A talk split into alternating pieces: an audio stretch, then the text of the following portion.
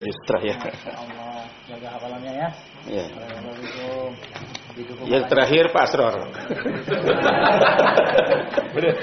Kupil ya. Itu anak saya Pak. Sudah Udah berapa juz nih? tiga juz terakhir. Sudah enam juz Ustaz. Allah. Ya. Kasih langsung Ustaz. Ya. Mukbil. Allah. Ya. Belajar yang bagus ya.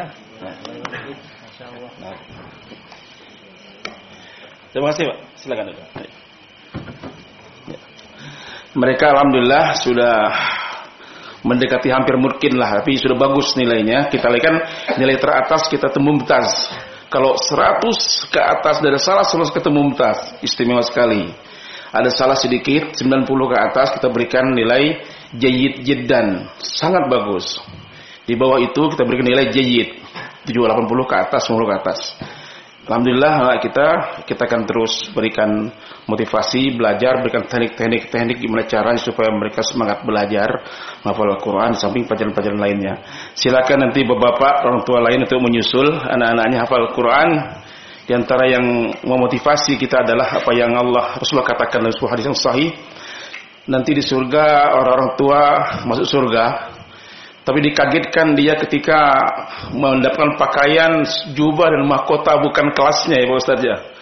Nah, dia dia bertanya lima kursi itu kenapa aku diberi mahkota dan jubah seperti ini? Maka dijawab karena anakmu hafal surah ini hafal surah ini. Itu berkat hafalan anaknya, konsekuensi anaknya hafal Al-Quran sehingga dia bisa mendapatkan penghargaan yang lebih mulia dari Allah Subhanahu wa taala. Sekira ini kita lakukan sekedar memotivasi para jamaah, mudah-mudahan kita bersemangat untuk uh, mendidik anak kita dengan ilmu agama. Berikutnya tafadhol Ustaz.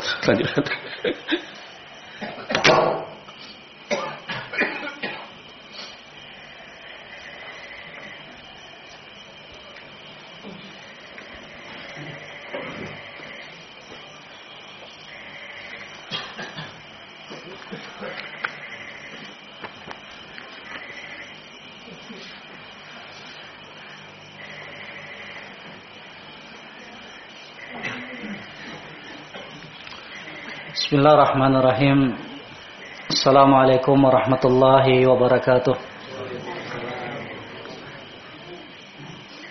الحمد لله حمدا كثيرا طيبا مباركا فيه ومباركا عليه وأشهد أن لا إله إلا الله وحده لا شريك له وأشهد أن محمدا عبده ورسوله أما بعد Jamaah kaum muslimin dan muslimat rahimani wa rahimakumullah.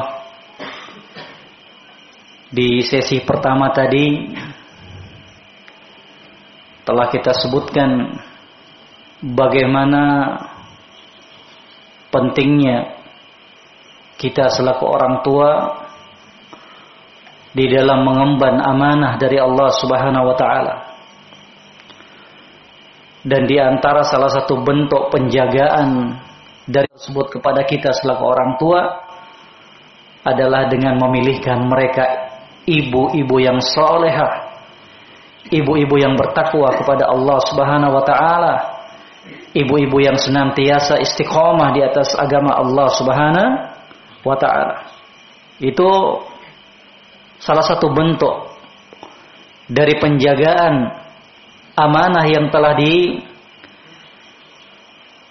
bebankan oleh Allah Subhanahu wa taala. Oleh sebab itulah jamaah sekalian diriwayatkan dari kisahnya Imam Abdul Aswad Ad-Du'ali rahimahullah taala beliau pernah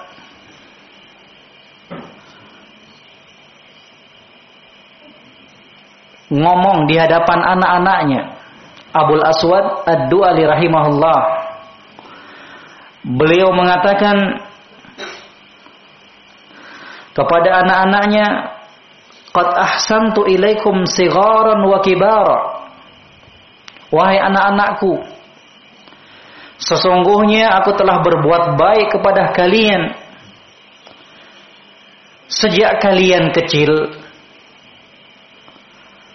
bahkan sebelum kalian dilahirkan. Aku telah berbuat baik kepada kalian sampai kalian besar. Anak-anak Abdul Aswad Ad-Du'ali rahimahullah ta'ala kemudian heran. dengan ucapan ayahnya ini. Kata anak-anak beliau, ya, ketika tadi Abu Aswad Ad-Du'ali rahimahullah ta'ala mengatakan, Qad ahsantu ilaikum sigaran wa kibaran qabla an tulad. Aku telah berbuat baik kepada kalian sejak kalian kecil sampai kalian besar bahkan sebelum kalian dilahirkan. Lihat bagaimana seorang ayah yang betul-betul mengemban dan menjalankan amanah yang besar ini di sisi Allah Subhanahu wa taala. Wahai anak-anakku, sesungguhnya aku telah berbuat baik kepada kalian sejak kalian kecil sampai kalian besar, bahkan sebelum kalian dilahirkan, aku telah berbuat baik kepada kalian. Maka mendengarkan ucapan tersebut kata anak-anak Abdul Aswad Ad-Du'ali rahimahullahu taala qalu Kaifa ahsanta ilaina qabla an nulad? Wahai ayahku, bagaimana sih bentuk engkau berbuat baik kepada kami sebelum kami dilahirkan? Ini kan pertanyaan buat anak-anak kita. Kok bisa Abi telah berbuat baik kepada saya sebelum saya dilahirkan? Kata Abu Aswad Ad-Du'ali rahimahullah taala ikhtartu lakum minal ummahat man la tasubbuna biha.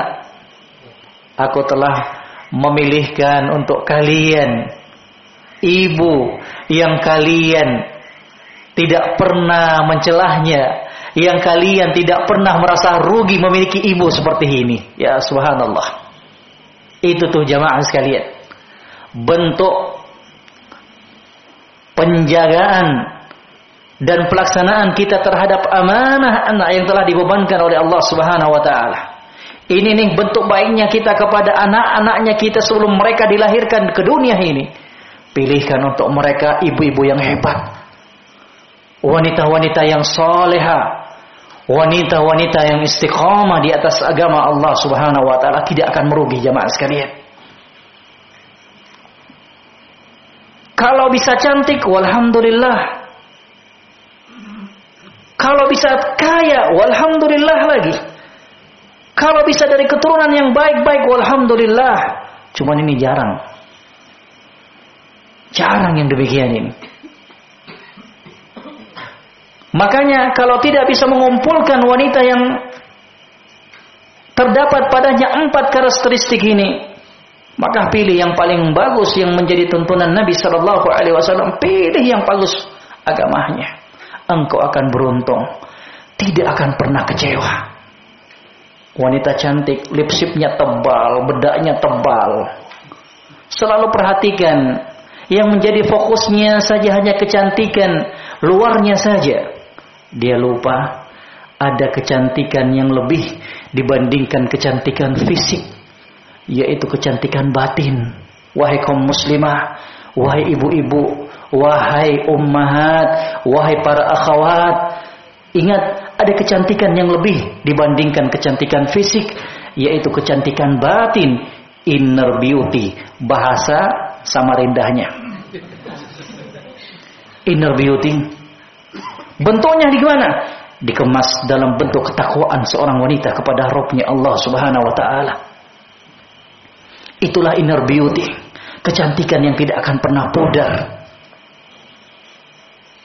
bangun tengah malam dia berdoa, sholat, berzikir kepada Robnya Allah Subhanahu Wa Taala, tak kalah wanita-wanita yang lainnya terlelap dalam tidurnya. Dia sholat, menjaga sholat lima waktunya, menjaga sholat sunnahnya. Subhanallah. Ini nih kecantikan batin, kecantikan dalam yang terkadang lupa dilakukan dan diperhatikan oleh sebagian wanita muslimah. Ingat wahai wanita muslimah, ingat wahai para ummahat, ingat wahai para akhwat.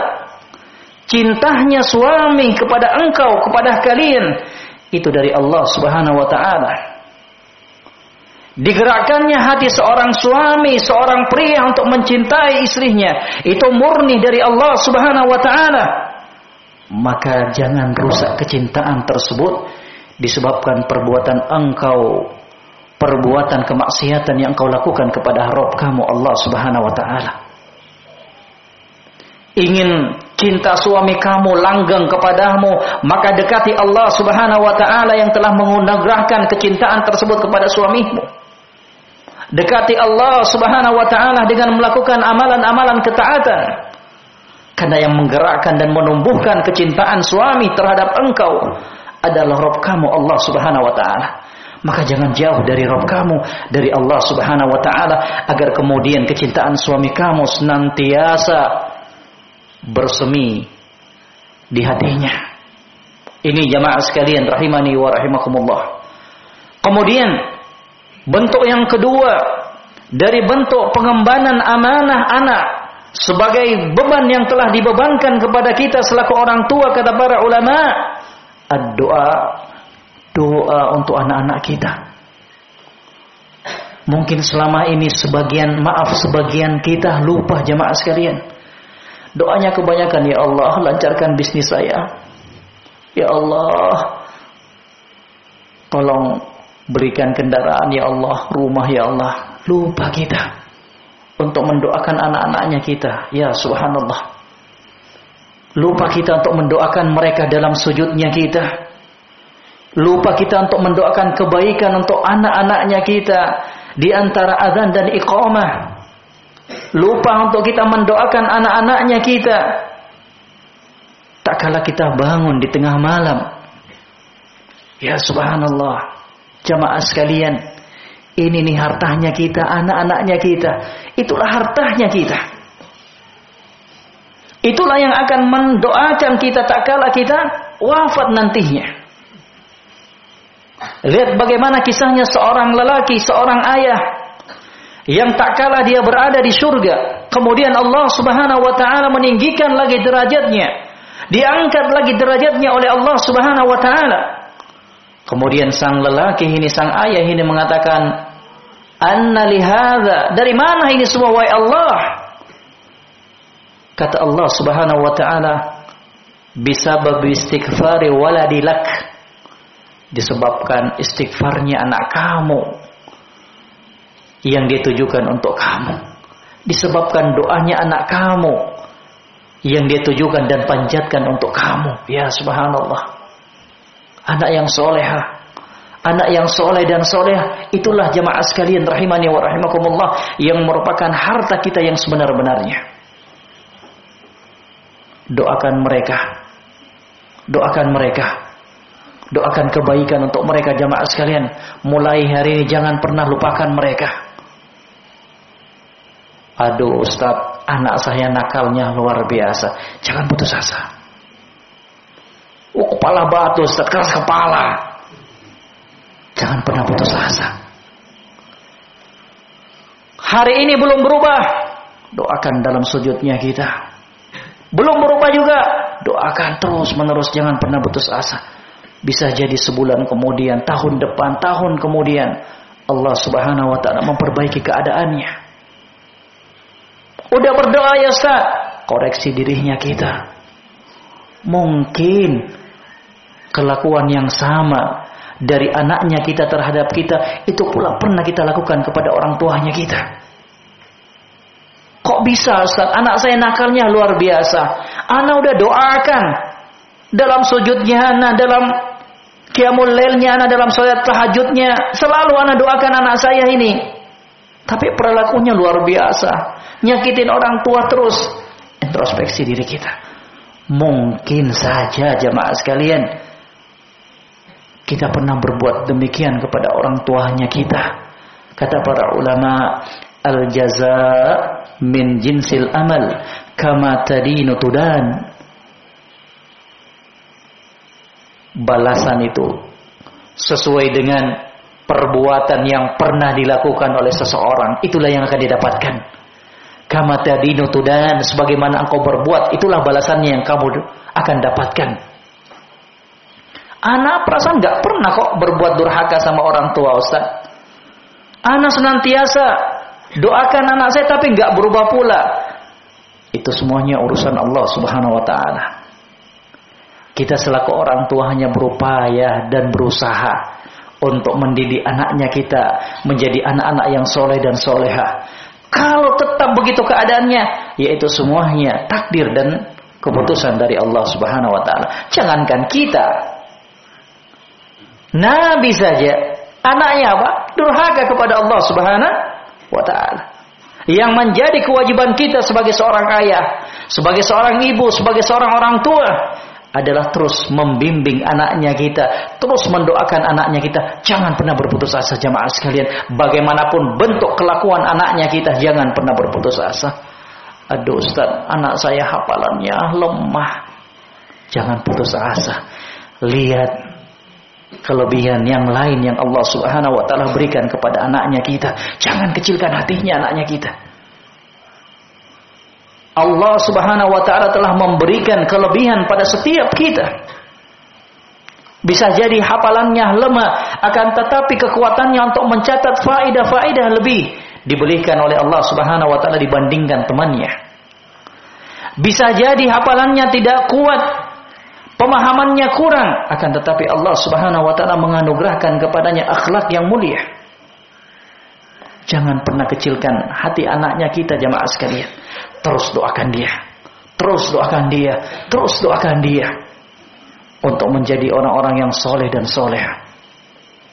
Mendoakan kebaikan kepada anak itu pula lah yang merupakan dakbul anbiya, kebiasaan dan rutinitasnya para nabi-nabi terdahulu. Itu kebiasaannya para nabi jamaah sekalian mendoakan anak-anaknya mereka. Mendoakan kebaikan kepada anak-anaknya. Itu kebiasaannya para nabi. Makanya kita temukan banyak penukilan dari doa-doa mereka dalam Al-Qur'anul Karim yang diabadikan oleh Allah Subhanahu wa taala. Di antaranya kata Allah Subhanahu wa taala ketika menyebutkan dan mengutipkan doanya Nabi Ibrahim Khalilullah kata Allah Subhanahu wa taala Rabbi ij'alni muqimas salati wa min dzurriyyati Wahai Rabbku jadikanlah aku orang-orang yang senantiasa menegakkan salat demikian pula kepada anak-anakku Doa kebaikan kan? Iya.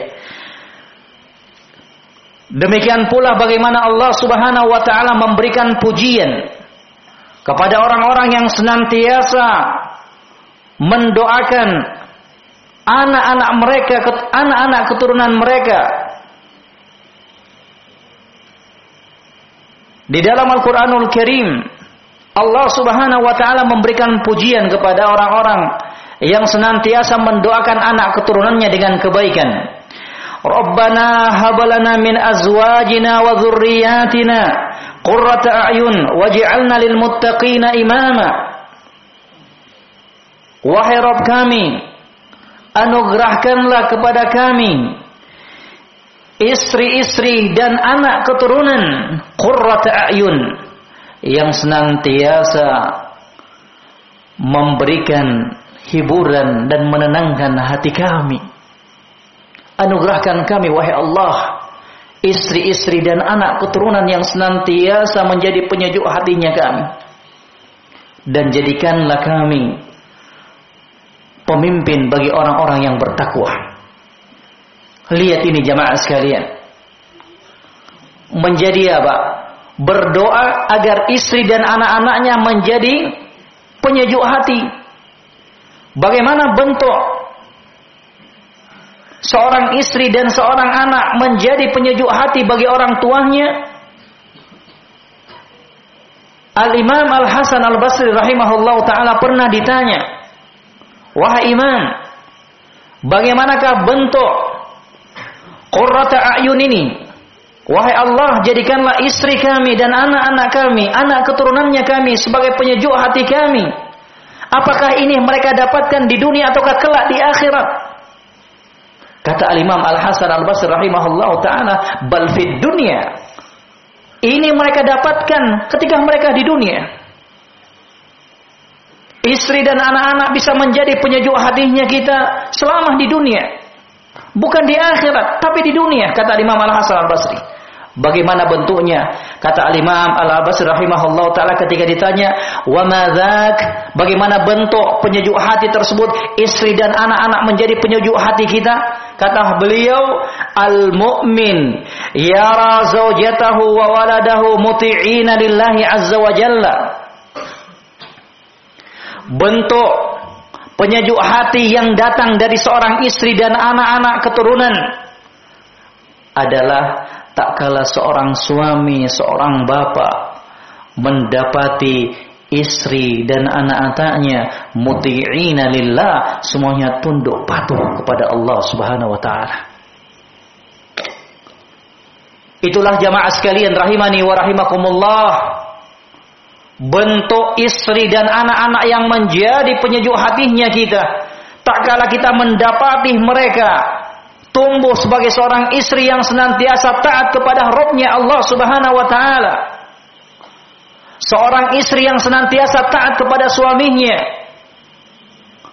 Ketika kita mendapati anak-anaknya kita menjadi orang-orang yang senantiasa taat kepada orang tuanya dan taat kepada Robnya Allah Subhanahu wa taala, pada saat itulah anak dan istri menjadi qurrata ayun, menjadi penyejuk hati seorang mukmin selama di dunia. Dan kemudian kata Al-Imam Al-Hasan Al-Basri dan kesenangan apakah yang lebih menyejukkan hati tak kala seorang mukmin mendapati istri dan anak-anaknya tumbuh menjadi orang-orang yang soleh dan taat kepada Allah Subhanahu wa taala. Ada kenikmatan yang lebih besar di dunia ini jamaah sekalian. Dibandingkan kenikmatan kita mendapatkan istri yang solehah, anak-anak yang soleh dan soleha. Yang menjadi penyejuk hatinya kita Makanya jangan pernah mendoakan, jangan pernah lupa mendoakan mereka jamaah sekalian, mendoakan kebaikan untuk mereka. Jangan pernah. Karena mendoakan kebaikan untuk anak-anaknya kita adalah doa yang mustajab di sisi Allah Subhanahu wa taala. Dalam hadis yang sahih kata Nabi sallallahu alaihi wasallam, "Salatun salatu da'awatin mustajabat la syakka fihinna." Tiga jenis doa yang mustajab yang akan dikabulkan oleh Allah Subhanahu wa taala dan tidak ada keraguan. Di antaranya kata Nabi sallallahu alaihi wasallam da'watul walid doanya orang tua kepada anaknya. Manfaatkan kesempatan itu jamaah sekalian. Manfaatkan berita yang telah dikabarkan oleh Nabi sallallahu alaihi wasallam ini bahwasanya doanya orang tua kepada anak adalah doa yang mustajab akan dikabulkan oleh Allah Subhanahu wa taala. Manfaatkan kesempatan tersebut.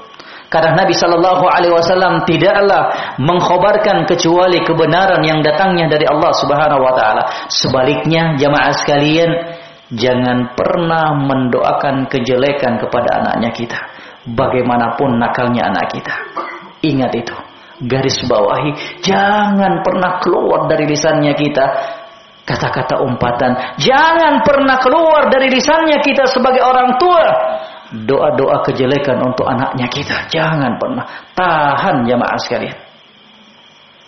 Luar biasa anak saya ini. Didoakan kejelekan anaknya. Hati-hati. Jangan pernah jamaah sekalian.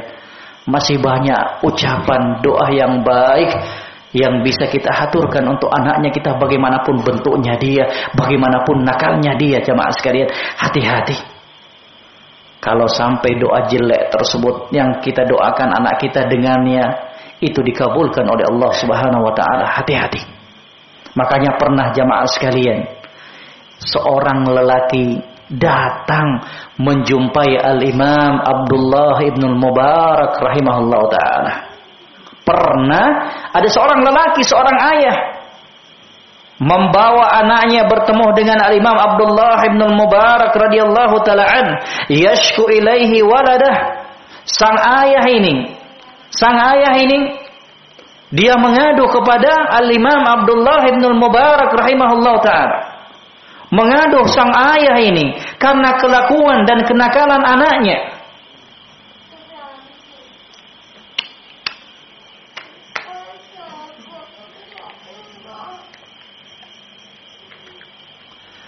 Mengadu dia, wahai imam, anak saya nakalnya luar biasa nih.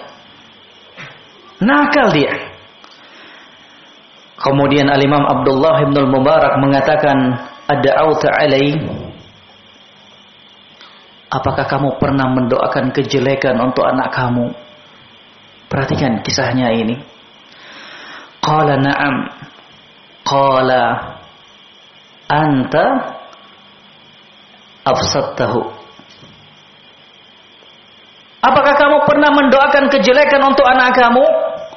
Kata sang ayah ini, kata sang lelaki ini, iya, pernah wah imam. Kemudian Al-Imam Abdullah bin Mubarak mengatakan, anta afsadtahu. Kamu yang merusak sendiri anak kamu. Disebabkan doa kamu yang jelek kepada anak kamu, kamu sendiri yang rusak anaknya kamu. Anaknya kamu demikian nakalnya, demikian rupanya bentuknya.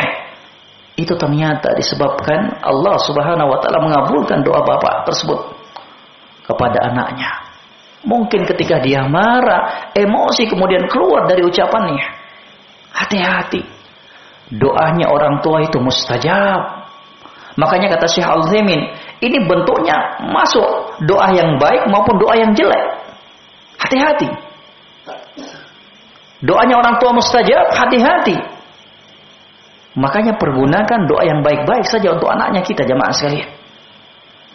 Pergunakan doa-doa yang baik, baik jangan sampai keluar ucapan-ucapan yang tidak baik kepada anaknya kita. Kata Nabi sallallahu alaihi wasallam dalam hadis yang sahih, La tad'u ala anfusikum. Jangan kalian pernah mendoakan kejelekan untuk diri-diri kalian. Wala tad'u ala auladikum dan jangan kalian mendoakan kejelekan untuk anak-anak kalian. Wala tad'u ala amwalikum dan jangan kalian mendoakan kebinasaan untuk harta-harta kalian. La tuwafiqu minallahi sa'atan yus'alu fiha ata fayastajibu lakum. Hati-hati ini. Kata Nabi sallallahu alaihi wasallam, "La tad'u ala anfusikum, wa tad'u ala auladikum, wa tad'u ala amwalikum." Jangan pernah kalian mendoakan kejelekan untuk diri kalian. Bagaimanapun musibah yang menimpa kita, bagaimanapun dahsyatnya ujian dan cobaan dari Allah Subhanahu wa taala, jangan pernah mendoakan kebinasaan untuk dirinya kita. Ya Allah, matikan saya ya Allah. Tawarannya, lamarannya ditolak sama akhwat, dia doa ya Allah, matikan saya. Hancurkan saya ya Allah, jangan putus asa. Bukan cuma dia akhwat kok. Jangan pula mendoakan kejelekan untuk anak-anaknya kita. Nakalnya luar biasa ya Allah. Matikan saja dia ya Allah. Ya Allah buat hidupnya sengsara ya Allah. Dia telah menyakiti saya. Hati-hati. Jangan pernah mendoakan kejelekan untuk anaknya kita. Wala tad'u ala amwalikum. Dan jangan kalian mendoakan kebinasan, kehancuran untuk harta-harta kalian. Kata beliau, kata Nabi sallallahu alaihi wasallam, la tuwafiqu minallahi sa'ah Jangan sampai doa yang kalian haturkan dan panjatkan tersebut bertepatan dengan waktu yang dikabulkan oleh Allah Subhanahu wa taala. Maka kalian pun akan menyesal. Hati-hati jemaah sekalian, mari pergunakan lisannya kita, mulutnya kita dalam perkara kebaikan. Masih banyak ucapan-ucapan yang bisa kita pergunakan untuk anak-anaknya kita. Aslahakallah Semoga Allah Subhanahu wa taala memperbaiki keadaan kamu, Nak. Ya kan lebih enak kan kedengarannya kan? Semoga Allah memberikan hidayah kepada kamu, Nak. Kan enak kedengarannya. Daripada kata-kata kotor yang kita keluarkan untuk anak-anaknya kita jamaah sekali. Masih banyak kosakata yang lebih bagus. Masih banyak ucapan-ucapan yang indah yang bisa kita rangkai untuk kita haturkan kepada anak-anaknya kita. Jamaah sekalian rahimani wa rahimakumullah. Kemudian di antara perkara dari bentuk pelaksanaan amanah kita selaku orang tua terhadap anak-anaknya kita al-adl berbuat baik berbuat adil di antara anak-anaknya kita. Ini pula terkadang yang kurang diperhatikan oleh para orang tua. Terkadang dia melebihkan cintanya kasih sayangnya pemberiannya kepada anak tertentu dan melupakan anak yang lainnya bisa jadi terjadinya kesenjangan, perseteruan, permusuhan di antara anak-anak kita ataukah antara kita dengan anak-anaknya kita disebabkan perbuatannya kita sendiri selaku orang tua tidak adil di dalam pembagian dan perhatian kita terhadap anak-anaknya kita. Hati-hati jemaah sekalian. Kok anak saya nakal ya? Ya kita sendiri yang kurang perhatian dengan dia. Kok anak saya sering iri sama adik-adiknya, kakak-kakaknya? Ya kita sendiri nggak berbuat adil kepada anak tersebut dalam hal pemberian. Dalam pemberian hadiah ataukah yang lainnya. Lihat bagaimana kisahnya. Bapaknya Nu'man ibnu Bashir radhiyallahu taala anhuma. An-Nu'man ibnu Bashir. Nu'man ibnu Bashir ini jamaah sekalian adalah bayi yang paling pertama dilahirkan dari kalangan Ansar setelah hijrahnya Nabi Shallallahu Alaihi Wasallam. Ini bayi yang pertama lahir ini dari kalangan Ansar setelah hijrahnya Nabi Shallallahu Alaihi Wasallam. An Nu'man ibnu Bashir. Kalau dari kalangan Ansar, kalau dari kalangan Al-Muhajirin, Abdullah ibnu Zubair. Kalau ada yang tanya siapa ya? Nama sahabat yang lahir setelah hijrahnya Nabi Shallallahu Alaihi Wasallam dari kalangan Ansar, siapa jawabannya? An-Nu'man ibnu Bashir. Beliau termasuk dari kalangan sahabat kecil. Nabi wafat, umurnya beliau 8 tahun, enam bulan. Masih kecil beliau. Ya, Nu'man bin Bashir. Bapaknya juga seorang sahabat. Bashir ibnu Sa'ad radhiyallahu taala Ketika itu jamaah sekalian rahimani wa rahimakumullah, kisahnya ini disebutkan oleh Imam Bukhari dalam sahihnya. Ketika itu bapaknya An-Nu'man ibnu Bashir, Bashir ibnu Sa'ad mendatangi Nabi sallallahu alaihi wasallam untuk meminta Nabi Shallallahu Alaihi Wasallam sebagai saksi dari pemberian dan pembagian harta hadiah untuk anak-anaknya. Dia ingin memberikan sebidang tanah untuk An-Nu'man Ibnu Bashir radhiyallahu taala anhuma. Maka untuk menetapkan pembagian hadiah tersebut kepada An-Nu'man Bapaknya kemudian meminta kesediaan Nabi Shallallahu Alaihi Wasallam untuk menjadi saksi. Maka Bashir ibnu Sa'ad, ayahnya Nu'man ibnu Bashir pun mendatangi Nabi Shallallahu Alaihi Wasallam. Maka tak kala bertemu dan berjumpa dengan Nabi alaihi salatu wassalam, Nabi sallallahu alaihi wasallam mengatakan, "A'taita sa'ira waladik mitla hadza?"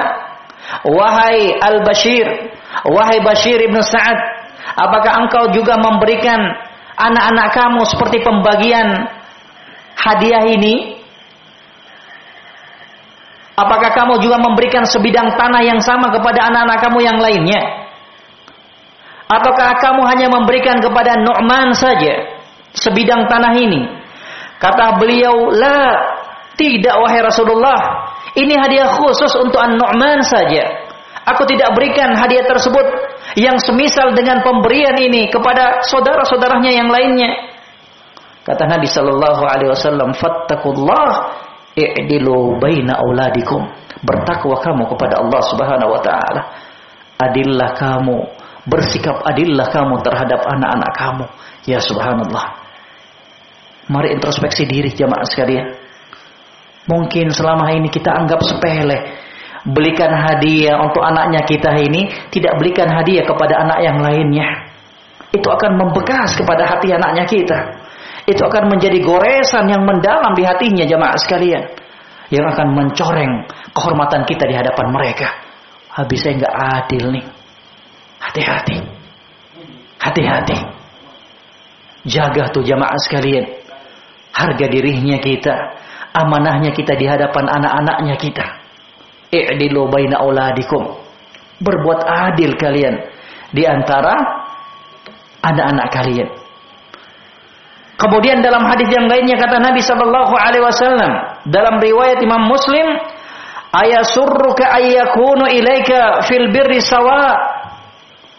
Apakah kalian kata Nabi sallallahu alaihi wasallam senang dan menginginkan bahwa anak-anak kalian semuanya berbakti kepada kalian Qala bala, tentu wahai Rasulullah. Qala fala idzan. Ini dalam riwayatnya Imam Muslim. Ketika Imam Muslim, ketika Nabi Shallallahu Alaihi Wasallam bertanya kepada bapaknya Nu'man ibnu Bashir, Ayasurruka ayyakuna ilaika fil birri sawa? Wahai Bashir, apakah kamu menginginkan agar semua anak kamu itu berbakti kepada kamu, tidak ada yang durhaka di antara mereka terhadap kamu? Apa jawabannya? Ya tentu dong, wahai Rasulullah. Saya senang untuk anakku semuanya berbakti kepada saya, taat kepada saya, berbakti kepada saya. Kata Nabi Shallallahu Alaihi Wasallam, "Fala idan." Oleh sebab itu jangan kamu cuma memberikan kepada Nu'man saja. Jangan cuma memberikan pembagian dan hadiah tersebut hanya kepada anak kamu ini. Kemudian kamu melupakan dan mengabaikan anak-anak yang lainnya. Hati-hati jemaah sekalian.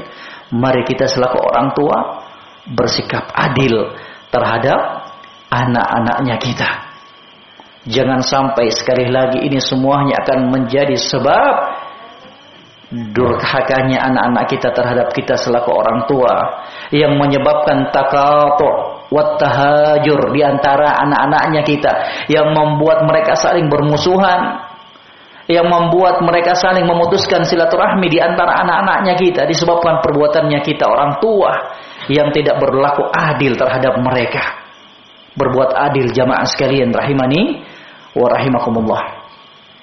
Kemudian jamaah sekalian rahimani wa rahimakumullah di antara bentuk dari amanah tersebut amanah dalam mengemban anak sebagai amanah dari Allah Subhanahu wa taala adalah dengan memilihkan anak-anaknya kita teman-teman yang baik. Pilihkan mereka lingkungan yang baik untuk agamanya mereka jamaah sekalian. Ini sebagai bentuk amanahnya kita. Sebagai seorang orang tua terhadap anak-anaknya kita. Pilihkan mereka teman yang baik. Pilihkan mereka lingkungan yang baik untuk agamanya mereka.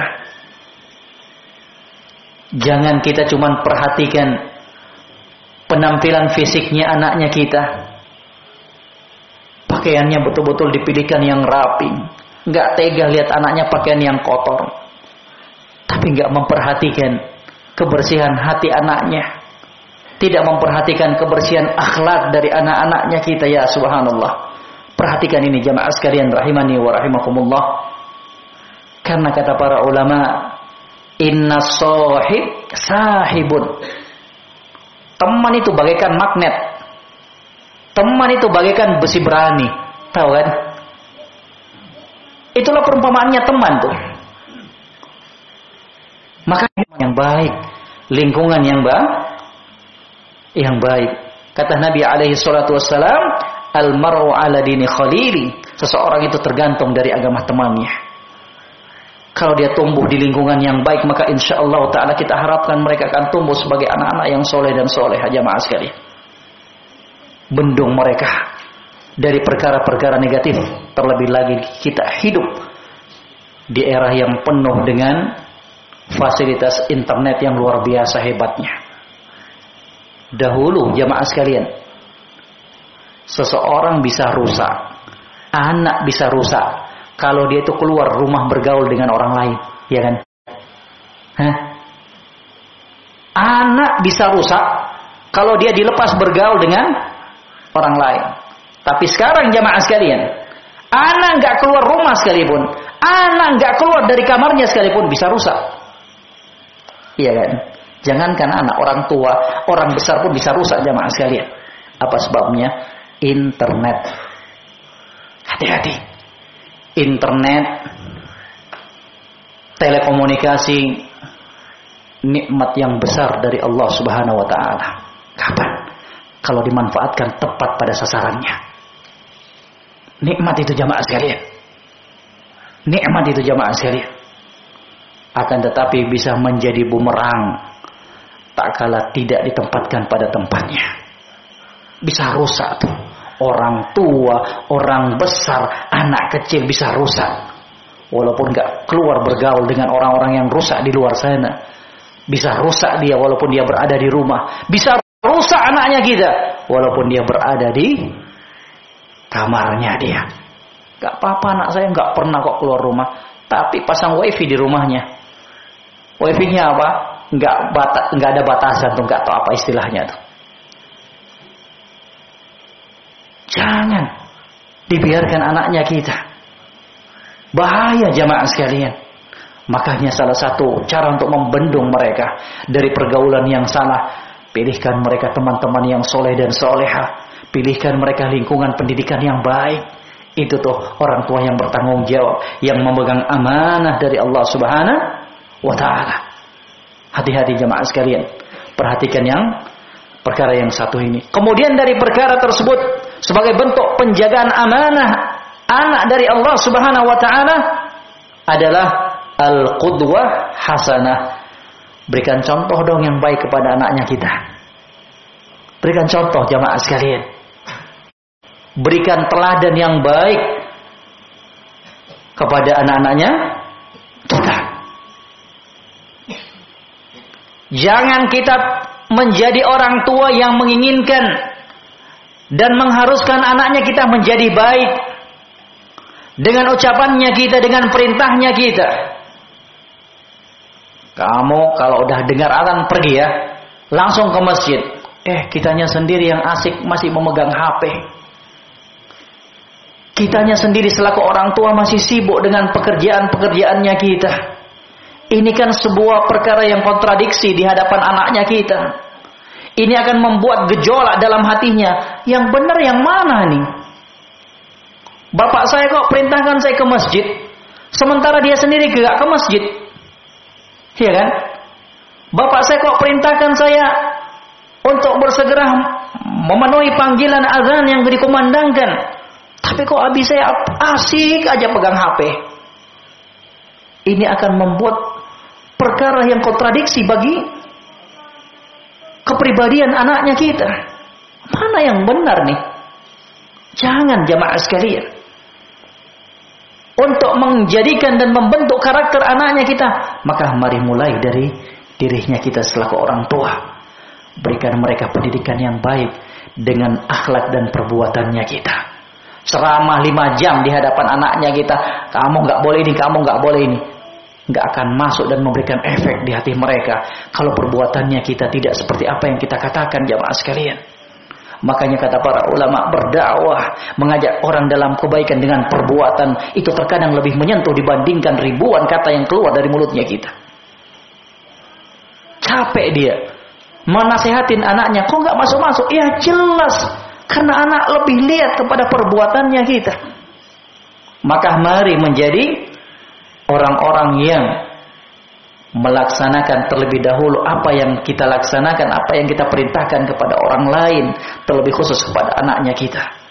Jangan menjadi orang-orang yang kemudian mendapat celaan di sisi Allah Subhanahu wa taala. Kata Allah Subhanahu wa taala, "Atamuruna an-nasa bil birri wa tansawna anfusakum?" Apakah kalian memerintahkan kebaikan kepada manusia sementara kalian sendiri lupa terhadap diri-diri kalian? Hati-hati jamaah sekalian rahimani wa rahimakumullah. Hati-hati. Sekali lagi, mari kita sebagai orang tua terlebih dahulu memberikan kudwah hasanah, memberikan contoh dan teladan yang baik untuk anak-anaknya kita. Dan semoga Allah Subhanahu wa taala memberikan dan menjadikan kita semuanya orang tua yang bisa menjalankan amanah anak ini yang telah dibebankan oleh Allah Subhanahu wa taala.